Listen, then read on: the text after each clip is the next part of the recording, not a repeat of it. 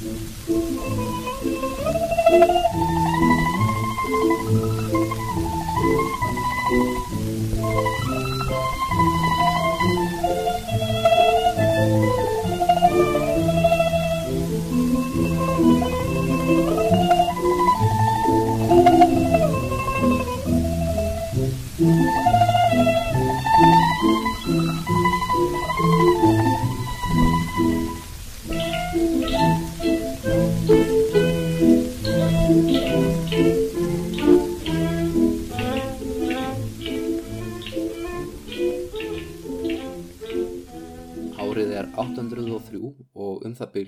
70 ári að Ingólfur Arnarsson sendi þræla út til að finna öndvegisúlur þar sem síðar mun rísa borgin Reykjavík. Það eru þrjú ár síðan Karla Magnús var krýndur á jóladag keisari yfir vestur Evrópu. Írena keisareinja í Bísantíum er á dánabeði sínum. Borgin Bagdad í Írak er að gangi gegnum sitt mesta blómaskeið sem höfuborg valdamesta muslimaveldis í sögunni og Kína er enn nú kynslu og síðar að jafna sig eftir blóðugasta borgarstríð í sögu ríkisins, kannski sögu heimsins. Árið er 803 og Kanmu, keisari af Japan, er búinn að flytja höfuborgina frá Nara, ekki til Nagaoka, það var vist alveg glataður staður, fullt af flóðum, vesinni, pláum og svona, og líka inn á áhrifasvæði Hatta ættbálsins. Nei, hann er búinn að flytja til Heian, sem er bara aðeins ofar við sama fljót, og það gengur bara þokkarlega bara höllin verist vera komin og, atna, og hann set, er búin að setja stránga reglur um það að atna, megi bara vera tvö hóf í borgin og þau eru við e, ingang borgarinnar og langt frá höllinni sjálfuri og atna, borgin heian er sett upp svolítið eins og svona rúðustrykað blað. Þetta eru beinar, götur og svona. Og það má nú sjá það enþá þegar fólk fer, fer til Kyoto í dag. Heian er að borgin Kyoto þá mun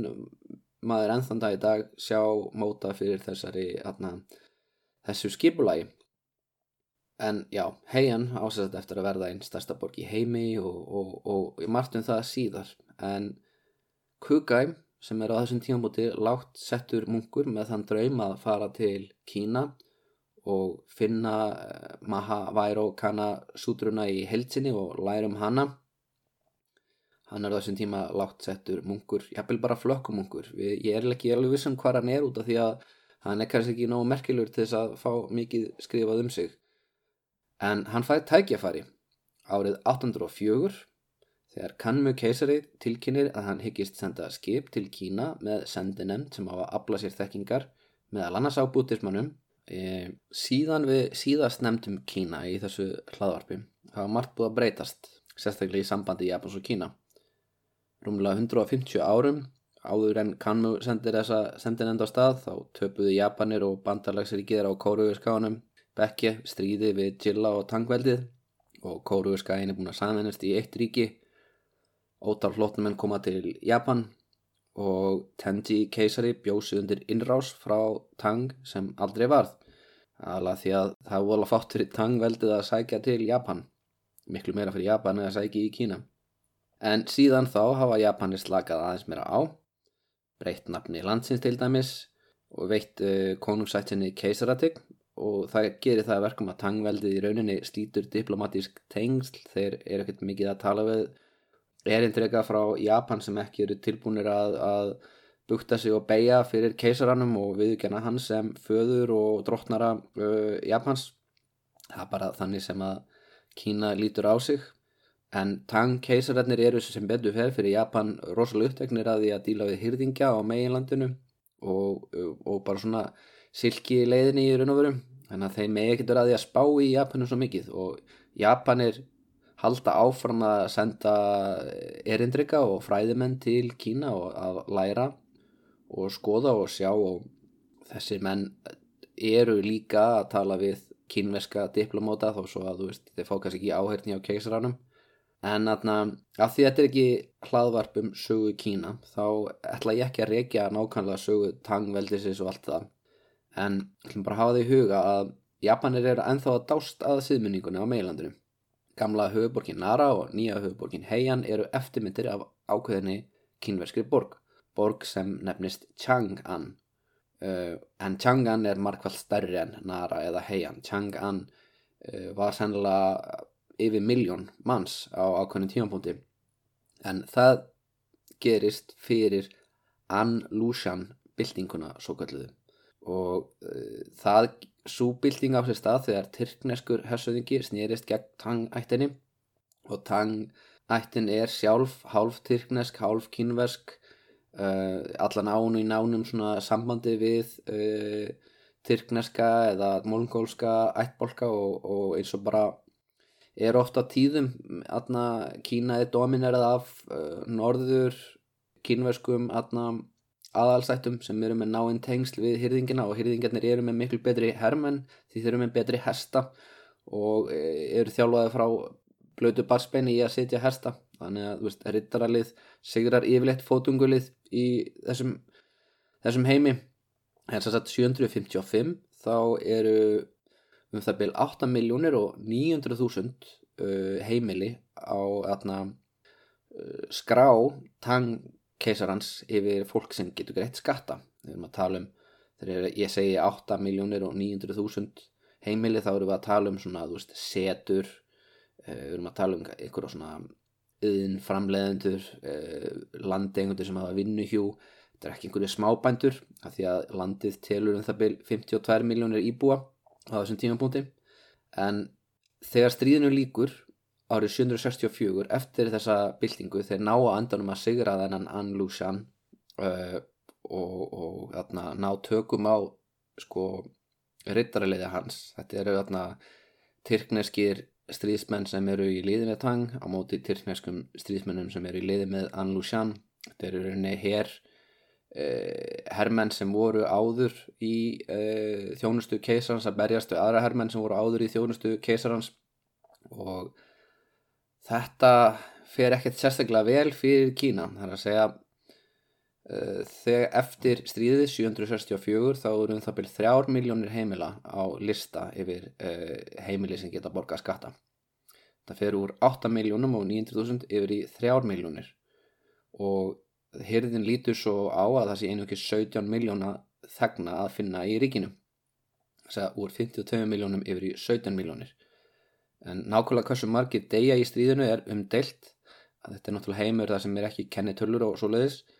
það dói augljóslega ekki 30 miljón manns en miljónir manna gætu hafa þurft að flýja heimili sinn og dóttið út af þessum skrámu mannfjölda af því að það er einhverjir hyrðingar að kveikja í ögrum og, og húsum og, þetta fólk. Marserar kannski niður Yangtze fljót og, og endur út í einhvern frumskóum eða fyrir út á slettuna eða eitthvað svo leiðis og, og að sjálfsögðu það fara borgir á borðið Chang'an mjög illútur þessu. Chang'an er ekki miljón manna borg eftir þetta. Og það sem gerist líka þegar svona agrar eru brendir er það að það kemur hungusneið fólk flýr inn í borgirnar finnur enga mat þar en þá breytast út pláur af því það er ekki aðna nógu líkin sem enda á götunni, þeir eru ekki grafin niður, það verða óerðir þannig að þetta vindur upp á sig. Og sumir fræðimenn telja að alltaf 13 miljón manns hafi getað látið lífið sem er rosalega tala því að ég menna sko helfurinn á 20 stöld það eru 6 miljón gýðingar sem hugsanlega láta lífið í henni. Og, og þú veist það er Evrópa á 20 stöld uh, sem er aðna þú veist, frekar fjölmenn svona í sögulegum skilningi sko. Ef að 13 miljón manns letur lífið í Anlushan stríðunum eða byltingunni þá eru það 5% af hugsanlegum íbúum veraldar á þeim tíma. Þannig að þetta er, uh, þú veist, aðna hörmungar sem ná alveg upp í að vera í svipiðum flokki og þjóðamorðið á armenum, helfurinn, fyrir heimstyrjöld.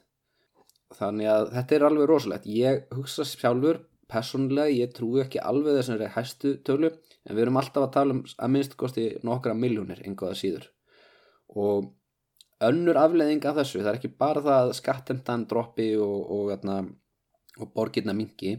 heldur verða hann kynverjar mjög reyðir, skiljanlega og þeir snúast gegn útlendingum. Uh, og það er mjög slæmt fyrir tangveldið út af því að fram að þessu tangveldið verið svona fjölþjóðulegt ríki. Og þarna í, í jæna, Chang'an höfuborginni sem er fyrirmynd Nara og Heian Þar eru allskins trúabröð í gangi. Það eru ekki bara buddistar frá Indlandi, heldur líka muslimar uh, sem eru kaupmenn með silki og krydd og svona.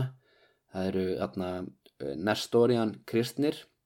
sem eru líka svona einhverjum hyrðingaættum og að öllum líkindum líka gýðingar. Mest kosti voru gýðingar til í atna, síðan meir í, í Kaifeng sem er atna, höfuborg Songveldisins sem tekur við af, af Tang og ég hugsa að ef fyrst þeir hafi verið þar þá hljóta þeir að hafa verið í Chang'an líka sem var stærri borg og, og fjölþjóðlegri. En eh, hann kínuðarnir hafi fengið nóg af þessum útlendingum. Þeir eru mjög reyðir út í e, Tyrkina sem hafa hingað til mannað herin þeirra. Og þeir vilja núna heri sem eru mannaðir af einverðungu kínverjum skiljanlega og Tang-ættin sem er svona af hálf tyrkneskum ættum hún uh, sér fram á það að hún myndi fá svipuð örlu og Rómanovættin í Rúslandi í rúsnesku byltingunni ef hún breytir einhverju. Þetta er náttúrulega er svolítið í rúsnesku byltinguna og Rómanovættina en, en þeir uh, ákveða að þeir ætla að vera algjörlega kínverskir hérna þeir atna, breyta svolítið ímyndinni út af því þeir eru ekki lengur uh, svona já þeir þeir eru ekki lengur alþjóðlegir þeir eru ekki lengur fjölþjóðlegir þeir eru kínverjar og þetta þýðir að, að þetta er ríki sem er að einangri sem er að það er ekki að stefna út á við það leggur ekki smikla áherslu á viðskipti og verslun. Og það þýðir bara það að Kína er fyrir vikið minna ríkt og ekki jafn voldugt. Og eitt af því sem að sko sendinemdin sem kannmu sendirangað 804 kemst að er það að Kína er ekki lengur ógn við Japan Þetta er Kína miklu fjölmennar í Japan, miklu þróðar í Japan en þeir hafa ekki lengur ágjör að því að kínvera muni koma og taka yfir Japan. Þeir eiga nóg með sitt, skulum við segja. En þarna, þá skulum við aðeins halda áfram með þessa frásögn því að þarna, e, með einhverju móti tekst Kukai að koma þessar um borð í þessa þarna sendinend og það getur verið að hann hafi fengið aðstof frá einhverjum vinum, e, sagði ekki ættarinnar möguleg einhverjum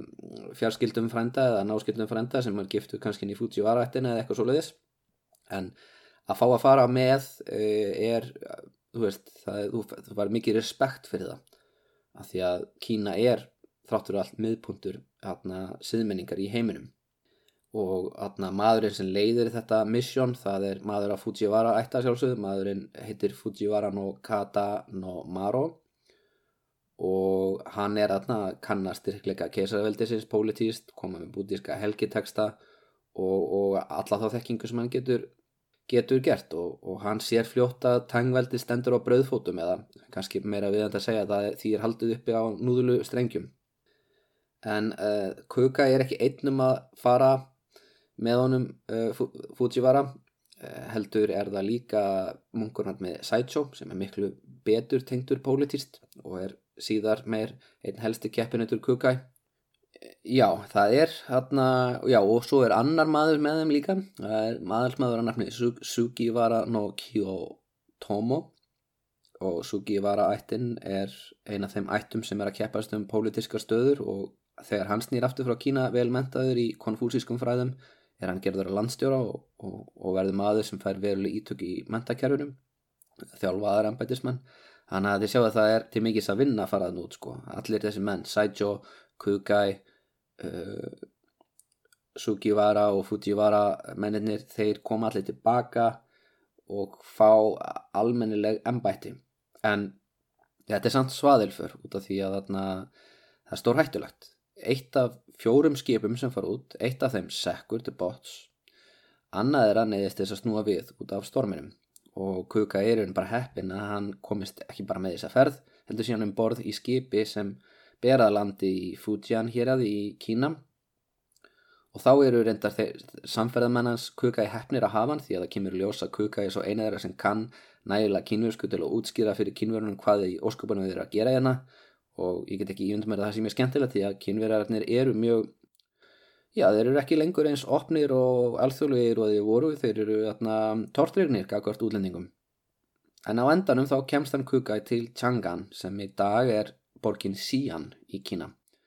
Ég hef komið ángað, í dag er þetta 10 miljón manna borg og með ógesla mikla mengun.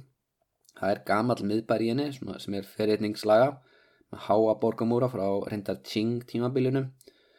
borgamúra sem voru reistir á 16. öld en það er mjög skemmtilegt að, að heimsækja þá að því að þið getur farið upp á þá og hjólað. Og e, ef ég mann rétt þá er þetta, þetta borgamúra sem eru meir en 10 km á lengd, þeir eru freka breyðir þetta er eins og að þarna þeir eru álíka breyðir og ég myndi að segja snorrabröðin og þarna það er eftir að hjóla þarna meir en 10 km leið. Ég tók mig alveg 1,5 tíma að fara allan hringin á þessu og reyndar það hjálpar ekki hvað það er mikil mengun að móða yfir öllu þarna. Það er þarna frekar afleitt þarna metrókerfiðar uh, af því að uh, þetta er sépa vandamálu fyrir Rómanborg hvert sinn sem þeir grafa til að, að búa til nýja uh, subway línu þá reykast þeir á einhverjar fortminjar og svo leiðis en ólíkt í þegar Kugæ kom þángað þá atna, þá gæti ég farið inn í bíó og chillað, hort á Spiderman 2 og í loftkælingu það er náttúrulega steikjandi hittið ef, ef maður er atna, á sömurinn og, atna, en Kugæ hefur hins vegar notið góðs að því að það hefur ekki verið mikil mengun. Ég mynda mér að, að hann hefur verið þakkláttið fyrir það. Eða hann ætti að vera það allavega. E, eitt sem Changan og Sian eiga sammeilegt það er að vilti gæsaturnin svo kallaði, Wild Goose Pagoda. Hann stóð þarna uh, á tímabilinu sem hann kukaði kemur langað og stendur enn, ég hef þarna komið komið nærri honum, ekki farið upp í hann eða neitt svolítið, en ég hef skoðað hennan turn. En að öðru leiti eru náttúrulega borginnar gössanlega ólíkar, ég menna það er náttúrulega bílaumferð, versmiður verslunarmiðstöðar og kannski það eina sem er virkilega svona samilegt er það að síðan er ennþá frekar fölþjóðleg það er mikið að hui aðna kynverjum þar sem eru svona þeir tala hann uh, þeir tala aðna uh, kynversku en eru muslimar og hafa verið muslimar í meirinn þúsund ár. Og það er moskaðar sem er held ég uh, hún var ekki reist þegar kuka heimsækir borgina en uh, hún er samt alveg svona frá 800 eða 900 og eitthvað ef ég mann rétt. En þetta er náttúrulega ekki hlaðvarp um kynverska sögu þannig ég er minna stressar á því hvort að ég hafi rétt fyrir mér sko. En ég mæla alveg með því að þið tjekkið á síjanu þetta e, farið á gödumarkaðin fyrir utan gamle morskuna og getið fengið ykkur þar kaldan jógurt, lambakjött á teini. Þetta er svona, já, þú veist kynversku matur með persneskum áhrifum, ef svo má segja. En sérstaklega þegar kuka heimsækir þá eru kristnir, dáistar, muslimar, kýðingar eflaust allt saman þarna í einni blöndu en líka bútistar og bútismi er kannski eitthvað sem við sjáum í dag fyrir okkur sem mjög kynversk trúabröð en kynverjar þá sáu þetta sem erlend trúabröð og bútistar höfðu líka orðið fyrir aðkasti í kjölfara Anlushan þannig að ólíkt e, í Japana sem bútismin var mjög virtur og mikilvægur þá er bútismin þarna þessum tíum búin að missa ríkistyrkin sinn. Ég menna tangkeisararnir fram að Anlúsjan, þeir voru að stýðja við bútismann, þeir líti á það sem hluta af sinni arfleð en núna eru þarna tang keisararnir farnir að stýðja við dáismann og eitthvað svoleiðis í staðin sem eru innlend trúabröð eða allan að séð þeim augum. Enga síður, hann finnur uh, svo kallað Xi Ming hof þar sem hann hefur heyrt um að Maha Vairo Kana Sudan væri kend og er ekki lengi þar áður en hann er kallar á fund ábótans sem atna, samkvæmt þjóðsugunni eða bara samkvæmt kuka í sjálfum. Þá atna, segir hann við hann loksins ertu komin. Ég á skamt eftir lifað og samt hef ég enga lærlinga eftir til að miðla darma undirbúðu blóm og reykjulsi og búðuðu undir Abhiseka Mandala. Það er að segja Abhiseka Mandala hvað er áttu með því? Hann, hann ætla að setja innmýja hann uh, kuka um leið og hann er komin og atna, sem er mjög skritið því að Kuka er bjóstu því að eða næstu 20 árum í að læra um að hafa erokana súturuna en nú ætti við miklu flítið af í enn sem Shingon mestara út af því að gamli mestarin er að deyja veit ekki alveg veit ekki alveg hversu mikið ég trúi þessu satt að segja. En ábótin segir við Kuka að kenna þér eins og hella vatnu úr einu vasi verið annan og í þeirri merkingu að Kuka virist bara geta náða að pikka upp allt sem hann segir honum um leið að það er ekki að útskýra neitt fyrir honum frekar. Þess að Kukai endar á því að eða bara tveimur árum aðna í staðan fyrir 20 en hann er samt einn af þeim sem er uh, lengur í Kína en margir hinna. Sideshop fyrir heim um leið og hann er búin að kaupa helgetekst og svo leiðis og aðna maður gaggrinn hann fyrir það Kukai er aðna þó að minnstu kosti talandi á kínuisku þegar hann kemur til landsins og þannig að hann getur náða að læra eitthvað þarna. Og líkt þarna Saijo sem ég held að hafi ekki náða að læra svo mikið heldur bara að kaupa inn stöf þess að koma með og sína öðrum við hyrðina en hann sem sagt uh, lærir Shingon bútisma hann kukai og þetta eru Vajrayana bútistar eins og ég hef nefnt áður. Uh, þeir til er að sagt ekki Theravada greininni sem er í Suðaustur Asjum og Theravada greinin er þarna svolítið sérstök að því litum til að hún uh, víkur kannski minnst frá bóðum uh, hins uppröndulega sögulega búta til þess að verða búta í þeirra kenningum þá þarftu að, að vera munkur og ástunda sama lífstíl og búta gerði en þarna Mahayana bútistarnir þeir eru aðeins meira líbó og þeir sjá þetta frekar þannig að búta á sér allskins byrtingamindir e, eh, jafnvel í guðum og og svo getur maður orðið mismundi típur af bóttið sattva og, og, og þar fram eftir gutunum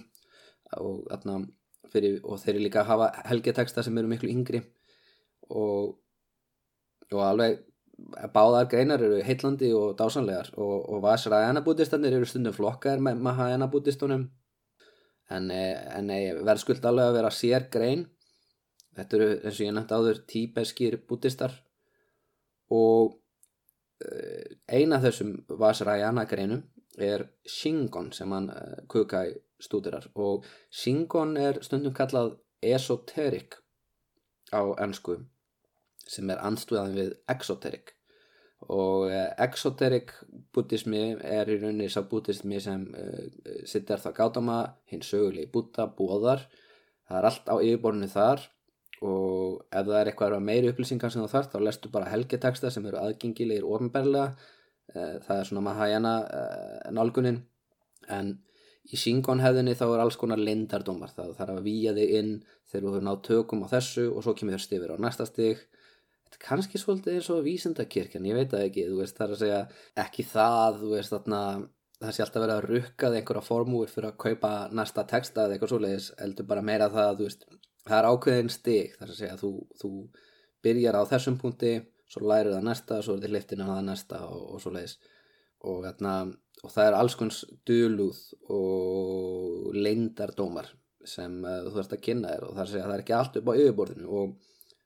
þannig að það er meining, merkingi með svona esoterik þekkingu. Þekking sem er hérna eitthvað sem þú, þú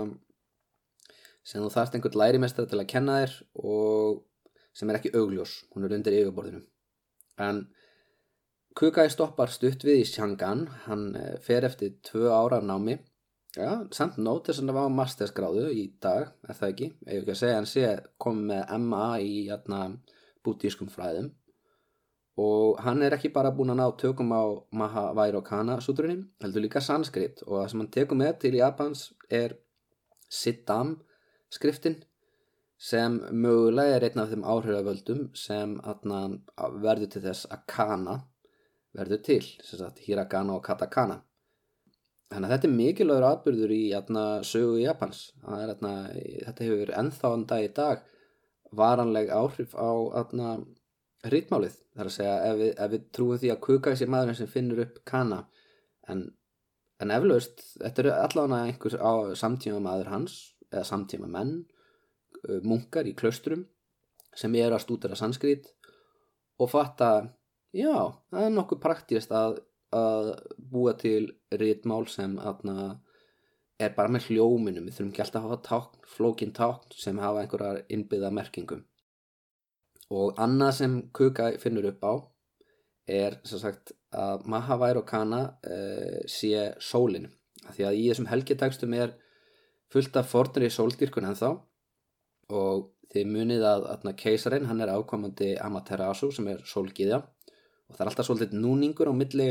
buddhismans og shingon á þessum tíma. Ja, fyrir ekki þau buddhismans og shinto á þessum tíma. En Kukai uh, finnur hérna leið. Hann tólkar Vairo Kana uh, sem byrtist í öllu geistla líf og visku út um allt.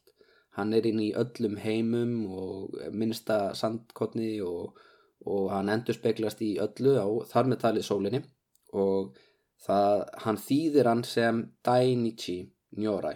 Dainichi hinn mikla sól. Og það þýðir að Amaterasu er hún byrtingamind Vairokana og uh, annað sem Shingon bútistarnir gera svo í, í Japan er það að þeir tólka svo sagt gömlu guðina, fjallaguðina, fossaguðina og alla þessa náttúruguði sem eru til í Sindóm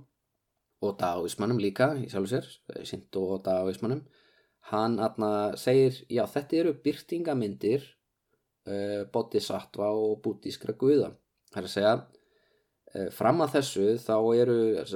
munkar búin að trúa því eða halda því fram að uh, kami eða innlendu guðnir í Japan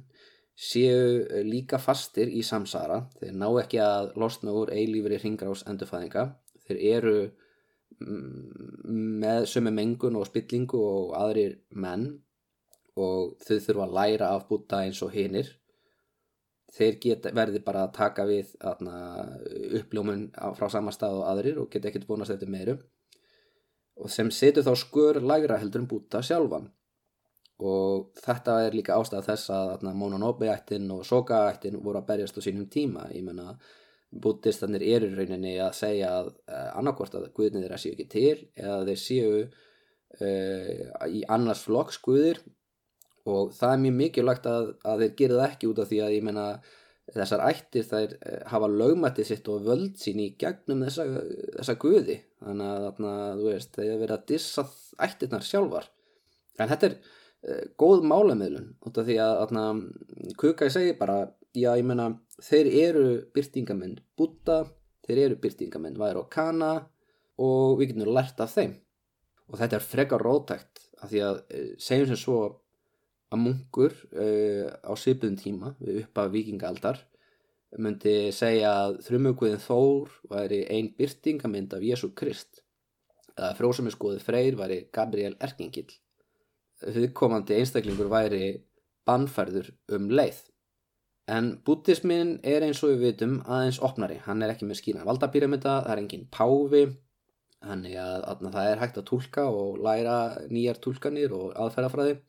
og bútíski munkar höfðu aldrei efast um tilvist kamjana í sjálfu sér er svona ekki aðna þeir trúðu alltaf að það væri einhver öflatna og, og eitthvað sem það þurfti að byrja viðningu fyrir þó svo að aðna þó svo að e, þeir væru kannski e, verur sem þurfti að læra af búta eins og aðrir. Þessi endurtúlkun gerir í rauninni aðna e, er góð málamöðlun og verður mainstream eiginlega alveg fram að meiti tímabilinu. Og á því tímabili þá byrjaða menn aftur að aðskilja Shinto og Buddhisma miklu meira en var gert áður fyrr. Og það er út af því að þarna, þá eru menn að leita í eitthvað sem á að vera upprunulega japanst og þá er þjóðinni sigja farin svolítið að stýra uh, hugmyndum hans. En vandamálið sem Kukai þarf að díla við árið 1806 eru ekki þjóðinir sinnar heldur áhugaðleysi út af því að Kanmu keisari er nýláttinn og sonur hans Heisei keisari er komin til valda og hann hefur ólíkt föðu sínum eilengan áhuga á bútismannum. Svo er hitt vandamálið að Saicho var fyrri til að koma heim. Saicho er hinn munkurinn í þessari ferð, hann staldra miklu stittri við út í Kína en drýfur sér aftur heim þegar hann er atna, búinn að, kaupa nú mikið að textum og gripum og hann er eldri en Kukai og svona meira established skulle ég segja af því að atna, hann er sér sagt atna, búinn að stopna klaustur nú þegar sem atna, er kallast En-Ryakuji og er í hæðum Hiei fjáls sem er skamt undan uh, Kyoto eða Heian. Og þetta er snjöld staðsetning. Þegar hann stopnar klaustrið þar þá er hugborgin enþá ekki komin á þennan punkt. En það vil svo til að þegar ný staðsetning hefur ákveðin og höllin hefur verið reist þá er uh, þetta klustur, hof í norðaustan megin við höfuborgina og norðaustur áttin þykir óhella átt í kínverskum og japanskum svona, ja, kínverskri og japanskri góðafræði og það atna, þýðir það að það er mikilvægt að hafa einhverja munka þar að fara með bænir til þess að venda höllina fyrir áföllum. Þess vegna fá þeir mikinn ríkirstuðning þó svo að kannmögu að sjálfsögðu vilji hafa höllina langt frá Enrakuji hann vill ekki hafa það ofan í klösturinnum hann vill ekki lendi í Sipuðu og í, í Nara þar sem það eru bútist út um allt og kannski bara fleiri bútistar heldur en atna, e, keisaramenn. En einhvað síður hann, hann uh, sér uh, að það er praktik í því að hafa einhverja þarna að kyrja Lotus sútruna í hlýðum Híæfjáls og þess að Saicho er sagt, stúdirar Tendai bútisma sem er Mahayana bútismi og, og þeir leggja miklu áherslu á Lotus sútruna sem við hefum eftir að tala um síðar. Uh, Lotus sútran er einn mikilvægsta sútran í hérna, japanskun bútisma en auðvitað mun þetta enda með ósköpum en Rakuji á síðar meir eftir að, að vera það fjölmönt og það voldugt að, að þeir eru eftir að ná að ógna keisarannum og aðalsmennunum í Kyoto og, og vera verulegt vandamál fyrir, fyrir ímsa sjókona. En það er setna á þessum tímabóti þá er þetta svona start-up fyrirtæki og, og Saijo er bara heppin að hann er búin að ná að stopna þetta. Eh, fastegnaverðið við Hígæfjall er búin að rjúka upp og hann kemst eh, til áhrif við hyrðina því hann er lang fyrstur heim frá Kína kemur með nýja þekkingu nýja gripi og í tæka tíð áður en kannmu keisari deyr að því að þá er fólk ennþá með áhuga á þessum hlutum. Og, og hann er satt komið með stöðu og, og svo leiðis þegar hann Kukai kemur og Kukai er eiginlega svolítið háður þessum þarna sideshow. Út af því að, að þetta er svona sipað og, og hérna eru tvær fræðmenn annar er komið með professorstöðu og hinn er svona í rauninni að, rauninni að leita sér að einhvers konar um, hvað ég var að segja svona já uh, Sideshow er deildastjórin eða háskólarektorinn og Kuka er uh, nýjútskrifaði doktorsnemi en ekki komið neina fastraðan á stöðu, hann fær kannski að vera stundarkennar eða eitthvað svo leiðis og, og Sideshow nýtir sér þekkingu Kuka ber kensla það að Kuka kunni hluti sem hann kann ekki. Og hann fær hann til að kenna sér rítúr frá Shingon bútismannum sem hann nýtir sér og setur inn í tendai bútista hefðina. Og það uh, veldur vandraðum fyrir Kukai út af því að þá dregur hann úr sérstöðu Kukai og, og, atna, og gerir í rauninni vinnu hans Kukai að, að sín, sinni vinnu, sínum afregum hann er að, er að stela veist, þetta er svona sipóð og kannski eldri profesor treður nafninu sínu á rannsóknir einhvers yngri fræðimanns. En Kukai hann átti sé fljótt af því að hann verður að vera sinn einn herra og hann hættir að kenna Saicho uh, ritual og þarna hann nýtur á endanum góðs af því að vera maður með sér þekkingu sem engin annar kann. Og af því að fólk trúið í raunverulega að svona ritual geti döga til þess að hindra ógæfu og, og hörmungar þá fær hann á endanum að fara með svona aðtapnir til þess að blessa keisaraðan og blessa Japan og blessa ímsar valdamenn en aðna frami hans uh, kuka fer ekki af stað fyrir en keisari er búin að segja af sér uh, vegna heilsufarsbrest eða kannski út af einhverjum pólitískum þrýsting. Og albróður hans Saga keisari teku við. Og Saga keisari þeir eru báðir sínir Kanmu og, og eiginkonu hans sem er Fujiwara kona en aðna með yfirtöku saga þá breytist ekkit ótrúlega mikið, frænd fólk þeirra í móðuleg, Fujiwara-ættin er enþá að stýra miklu. En Heisei, hann sér eftir því að hafa sagt að sér. Hann fer til Nara og hann fer að berjast fyrir því að Nara verði gerð af höfuborg aftur. Og það fer ekkit sérstaklega vel, það endar á því að þarna uppreist Heisei og einhverja meðlum á Fujiwara-ættin er bælt niður og þarna saga keisari verður á endanum aðal maðurinn og hann Saga, hann átta sig á því að hann þarf menn sem hann getur treyst og eitt af því sem hann uh, ákveður að gera uh, ári eftir að hann hefur verið krýndur er að gera kuka í að aðsta yfirmanni Todaiji sem er stærsta hófið og hófið það sem sko bútismannum er miðstýrt. Þetta er svona það næsta sem hægt er að komast í að verða páfi innan, svona, innan þessa atna, heims. Ég kann ekki alveg að skýra það Uh, af því að Kukai er ekkit atna, með atna, sko hann er ekki með uh, skulum segja hann er ekki með nógu voldu að bandamenn til þess að setja pólitískan þrýsting á að hans er gerður að, að, að valda mesta manni innan bútismans í Japan. Hann í raun skuldar saga keisararnum allan sinn framann en það er kannski góð útskýring líka út af því að Saga hann þarf að ráða inn fólk sem hann getur treyst fullkomlega og ef Kukai er maður sem skuldar honum allt.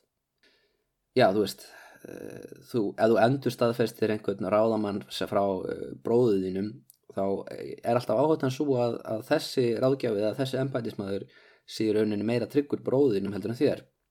En með því að ráðin Kukai þá ræður hann í mann sem að bróður hans sínd aldrei einn áhuga á er ekkert að styðja við hann uh, setur inn mann sem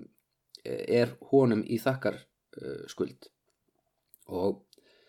það getur líka verið að Saga hafi verið mjög hrifin að Kukai því að eiginlega allt sitt valdatímabil frá 809 til 822 þá var hann yfirlegt að kalla Kukai til sín ráðfæra sig við hann um andleg málefni og mögulega einhverja pólitík, ég veit það ekki.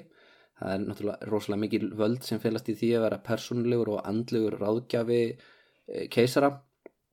og aðna Saga er einn af þessum enþá voldugu keisurum, það er aðna nokkra kynslur í það að keisararnir verði máttlaus peð. En svo má líka nefna það að Kukai hann er hámentaður, hann kann betri kynversku heldur en uh, flestir og hefur eitt meiri tíma í, í aðna klaustrum sem eru í rauninu svona háskólar síns tíma.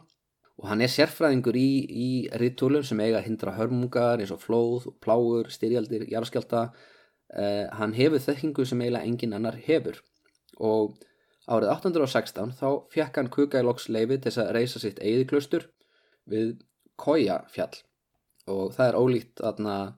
hýje fjallinu þar sem er með sínar höfustöðar það er staður sem er langt frá höfuborginni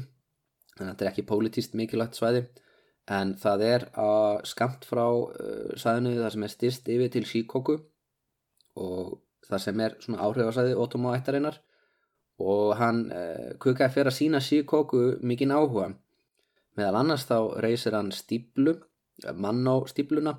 og skapar uppistöðulón sem stendur hann þann dag í dag. Og það með því að gera svoleiði sluti þá bætir hann líf uh, almennings á þessu svæði. Og uh, með því að gera svona praktiska hluti fyrir fólk þá í rauninni að ítur hann undir það að bændunir í Síkóku byrja að taka upp bútismann og hann reysir fullt af hofum í Síkóku og hof og klaustur sem eru kendið hann eru viða þar. Og uh, það er núna í dag árlega farin pílagrinsvör sem hefst við Kójafjall en uh, fer að mestu fram á eiginu Síkóku þetta er 1200 km ganga með 88 stoppum. Og bílagrímar sem fara þessa ferð í dag þeir kannski taka leigubíla eða hjól eða eitthvað svo leiðist, það er engin skilda að lappana en, en maður sér þá samt í svona hvítum skýrtum með staf og gulan stráhátt á höfði. Svona eiginlega svona kannar að segja, þetta er svona þessi típiski asíski hrískurnábönda stráháttur, svona gulur uh, þrýhinningslaga stráháttur. Um, þessi hefði verið haldist frá dauða Kukai eða afsakið frá því þegar Kukai náði Samadhi. Og, en þessi hefði verið haldist síðan þá að, að fólk gangi þessa pílagrímsför og þessi pílagrímsför er kannski svolítið sambarileg við atna,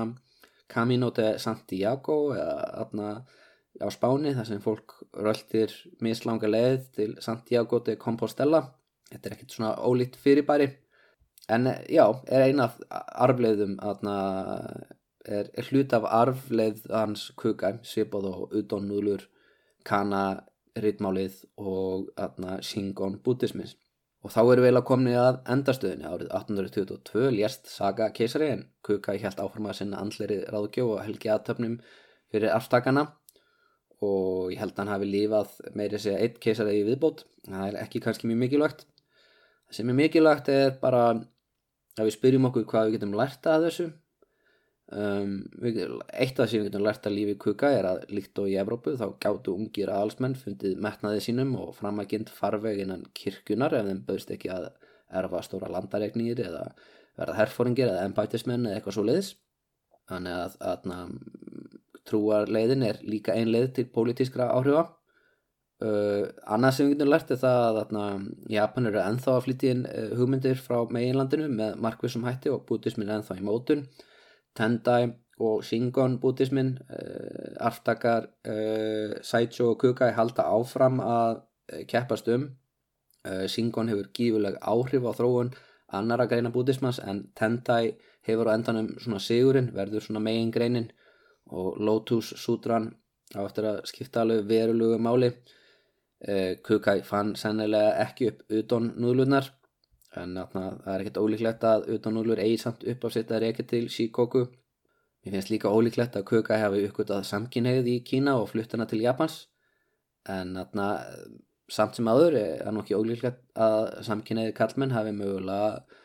hugsað sér eh, gott í glóðurinnar að gangi í klaustur fyrir ekki að giftast einhverju konu. Það er allavega ein leið uh, á þessum tímanpunti þannig að framlag kukast til þróunar uh, buddhismans og bara þróunar Japans er alveg töluvert. En uh, að lókum þá ætlum ég að vitna í atna, Juju Shinron sem er atna, verk sem hann skrifar setna á lífsleiðsinni þar sem hann lýsir mismunandi þróskastegum sálarinnar og þetta gefur manni frábæra insýn inn í bæði sko hans augarheim og líka bara hvaða hugmyndir það eru sem skipta málið á þessum tíma. Og Kukai skrifa í atna, atna, bóksinni um tíu stig andlegs þroska. Hann lýsi því að á fyrsta stíði þá sé maðurinn líkastur geit. Kukai kallar þetta huga hins láborna sem er fáfróður og uppföllur sjálfsblekkingu átta sig ekki á öllum sínum göllum hugsað bara um losta og hungur alveg eins og geit. Á öðru stíði þá er hugurinn fáfróður og barslegur en kannski samt hóf. Á þessu stígi byrja menn að sína sér hóf í matgræðki og öðrum og einhverja gæsku. Og þriðja stígi er hann etna, barslegur og óttalus hann er líkastur kálfi sem fylgir móðu sinni. Áttar sig ekki á sannleika bútismanns en vonast eftir endurfæðingu himnaríki fyrir góða haugðun um, fjörðastíð er huginn sem áttar sig á því að hans sjálf er ekki eilíft Þetta stig kennir kuka við Hinayana bútismann eða Theravada bútismann í Suðustur Asíu og uh, fyrra stíð, þriðja stíð líkir hann við konfúsianisma og að þessu leiti það minnir flokkurinn svolítið á fyrsta rítan þar sem hann er að flokka heiminn í eh, flokka uh, stig andlegstróska í atna, þrjú stig konfúsianisma, daoisma, bútisma en í þessu ríti þá gengur hann lengra og byrjar að flokka mjög svona kenningar bútismas á fymta stíði þá losnar hugin undan karma karma eru afleiðingar gjörðu okkar og ef við erum góðir bútistar þá kunnum við að forðast gjörðir sem valda karma sem bindur okkur við hennan heim. Og karma getur verið gott og slæmt en já, þú veist, slæmt karma kallar að yfir sig refsingar. Gott karma getur kannski virkað eins og einhvers konar vellaun en, en í rauninni það bindur okkur allt saman við heiminn. Það við viljum eiginlega losna við karmað og vera aðna, losna undan þessum heimi. Eh, losna við afleiðingar allra gjörða, gera helst sem minnst sjötta stig er Mahayana hugin Mahayana er ótrúlega svo bútíska hefð sem flestir japanir og kynverjar tilera en eru ekki Shingon. Og atna, því ekki að undra Kuka setið á skör ofar en Hinayana en setið á ekki á toppin í síni, sínu stigveldi. Sjönda stig er hugin sem átt að segja á því að hugin er ófættur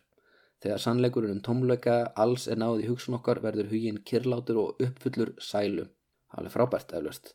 Áttundastig er hugin sem er í jafnvægi með veginum. Níundastig er svo dýpsti og aðstig skilningur sem að bútistar geta mögulega náð á þess að kynna sér leindardóma Shingon bútismas. Það maður getur alveg náðu níundastig á þess að, að, að, þess að uh, kynna sér uh, leindardómana sem hann kuka í byrjur. Bara gott að vita það. En við viljum auðvitað ná tíundastíginu. Það er hinn dásamlegi, dýrlegi hugi, mest helgi og leindardómsfulli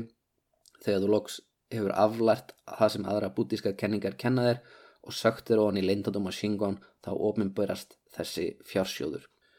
Og hvernig hverðu að því að náðangað? Já, þú getur byrjað að því að panta þér hildaverk kuka á Amazon og lesið því gegnum þau en það er smá viðvörun sem verður að fylgja með því að kuka hann skrifaði ótrúlega mikið yfir æfina, ljóð, sagfræð og allskýrst trúmál og það hefur alls ekki allt verið þýtt yfir á ennsku Því miður í þessum tveimið þáttum um Kukai þá ég þurfti að stikla á stóru. Það væri lægt að kafa dýbra í samband Saicho og Kukai og valdabártuna millið þeirra. Þeir fóru frá því að vera vinalegir, yfir yfir að hata með keppinautar og bara svona allskynstig. Uh, uh, Saicho kom fram við Kukai eins og hann var í lærimæstarnas líka á tímabili og ég hefði svömmulegis gett að kafa það aðeins betur hún í uppreysnina þegar Heisei keisari, fyrrum keisari, gerir uppreysn og reynir að fara höfuborgin aftur til Nara en í sjálfur sér er það ekki eitthvað sem við þurfum að, að muna. Ég menna uppreysnin sem misefnast eru sjaldan ja, mikilvægar og upprýstnir sem hefnast þannig að þú veist, höfuborgin er heian og næstu þættir eru um heian tímabilið, ekki setna nara tímabilið. En að lokum, og núna meina ég virkilega að lokum að því að innan skænst á Ragnæður eftir að reyka mig út að því hún er að fá vinkonur sínar í heimsókn og þeir ætla að fá sér kaffi saman og eitthvað svona og, og ég verða að klára þetta hlaðverf í flíti en uh, mér langar að segja frá einnig skemmtilegri hjátrú sem sprettur upp úr Shingon fræðum og það er Tsugumogami og Tsugumogami er svo þjóðtrú að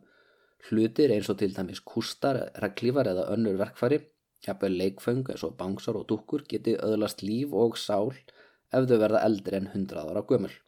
Þessna sé mikilvægt að losna við svona gamla muni áður en þeir ná þessum aldri og farga þeim á sérstakann máta. En þessi þjóðtrú hefur skapað fullt af draugasugum og myndum, eins og til, til dæmis kannast sumir við reglífar með eitt auga sem skoppa einum fæti, það hefur verið að skoða svona japanskar myndir. En upphafið á þessari hjátrú má hugsanlega reyka til myndasirpu sem hétt Sukumogami Emaki Emagi er uh, bara japanska yfir myndasirpu sem er svona á uh, á bókrullu uh, maður svona flettið þeim með því að rúla bókrullun og þá kemur sagan smásamann í ljós svona eins og hreyfimynd. En í sögunu sem byrtist í Tsukumogami Emagi þá eru verkfæri sem hafa verið yfirgjána mennskum eigundum búin að öðlast meðutund og þau ákveða að hefna sín að því að þau eru svo reyð út í að vera yfirginn, þau eru svona svipað og, og svona elskugar sem, sem eru fulla bræði og öfundsíki og sagan byrjar í, í svona vorreingerningum eða Susu Harai eins og það heitir það fyrir fram í byrjun ís árs þá hendum við gamlum hlutum og svona. Uh, og þessi hlutir eru út á gödunni og öðlast nýtt líf á nýjástag og byrja að spjalla sín á milli. Og ein gömul bókuralla leggur til að þau gerist draugar og hrelli fyrir um eigundi sína. Og það er bara eitt af verkfærunum sem er á mótið í og það er talnaband sem hann notaði bútískar bænir. Og það andmælir þessu en þá kemur kilva sem er búin að vakna til lífsins og byrjar að berja talnabandið og verkfærin þau fara á stjá þau, þau ræna mannfólki og dýrum og geta þau halda drikkjusvall og ljóðapartí svona eins og búkar gera. En að lókum fara keisarleg yfirvöld að taka eftir þessu og kalla til bútíska presta sem fara með bænir. Og lókum með þessu bænahaldi þá eru sálir verkfærarna bjargaðar þannig að lókum leitaðu til talnabandsins og talnabandið eh, kennir þeim eh, að vera góðir Shingon bútistar og þannig að, þau, að þetta er ekkert vandamál að því að talnabandið það hefur lesið sinn kukai og veit að uppljómun er hægt að ná í tíu einföldum skrefum en þetta er 14. aldar myndaserja búin til til að miðla kenningum kukai og Eh, það sem hún miðlar þarna það hefur þarna borist áfram og voruð til að stærra í þjóðtrúni það er með þess að til anime og manga og svona myndasögur og teknimindir um tæki og tól sem hafa vaknað til lífsins en kannski ekki algjörlega hægt að segja að þessi bókur alltaf sé eina dæmið um verkfæri sem vaknað til lífsins. Það eru til þjóðsugur frá heian tímabilunu um hverstagslega hluti sem vaknað til lífs eins og til dæmis sakebotla uh, og, og eflaust fleiri hluti fugglarhæður sem vakna til lífsins og byrja að hrella fólk sem er mjög spúki, það er nú líka spúki hérna á vesturlöndum, fugglarhæður en já, hlutir geta aðurlast meðutund og það þýðir að þið geta aðurlast uppljómun og Singon bútistar telja okkur öll geta náðangað og Kukai sjálfur hann skrifaði meira segja að plöntur gætu undir réttum kringum staðum náð uppljómun sem er býstnað magnað. Þú getur orðið verið tré og þú getur náð að verða búta þannig að þetta er náðu ansið opið. Þannig að eh, hugsa um báti það. Komum vel fram með allt sem lifir og, og líka það sem er dögt eins og kústar og opna og bækur og allt þetta, allt þetta geti lifnað við og, og, og öðlast uppljumun en uh, í næsta þætti þá sökku okkur ofan í menningarlíf heian tímabilsins. Í staðin fyrir munka og keisara þá fyrir við að kynast skáldum skáldkonum og svo endanum þegar það klárast þá, þá fyrir við að heyrum fyrstu samuræina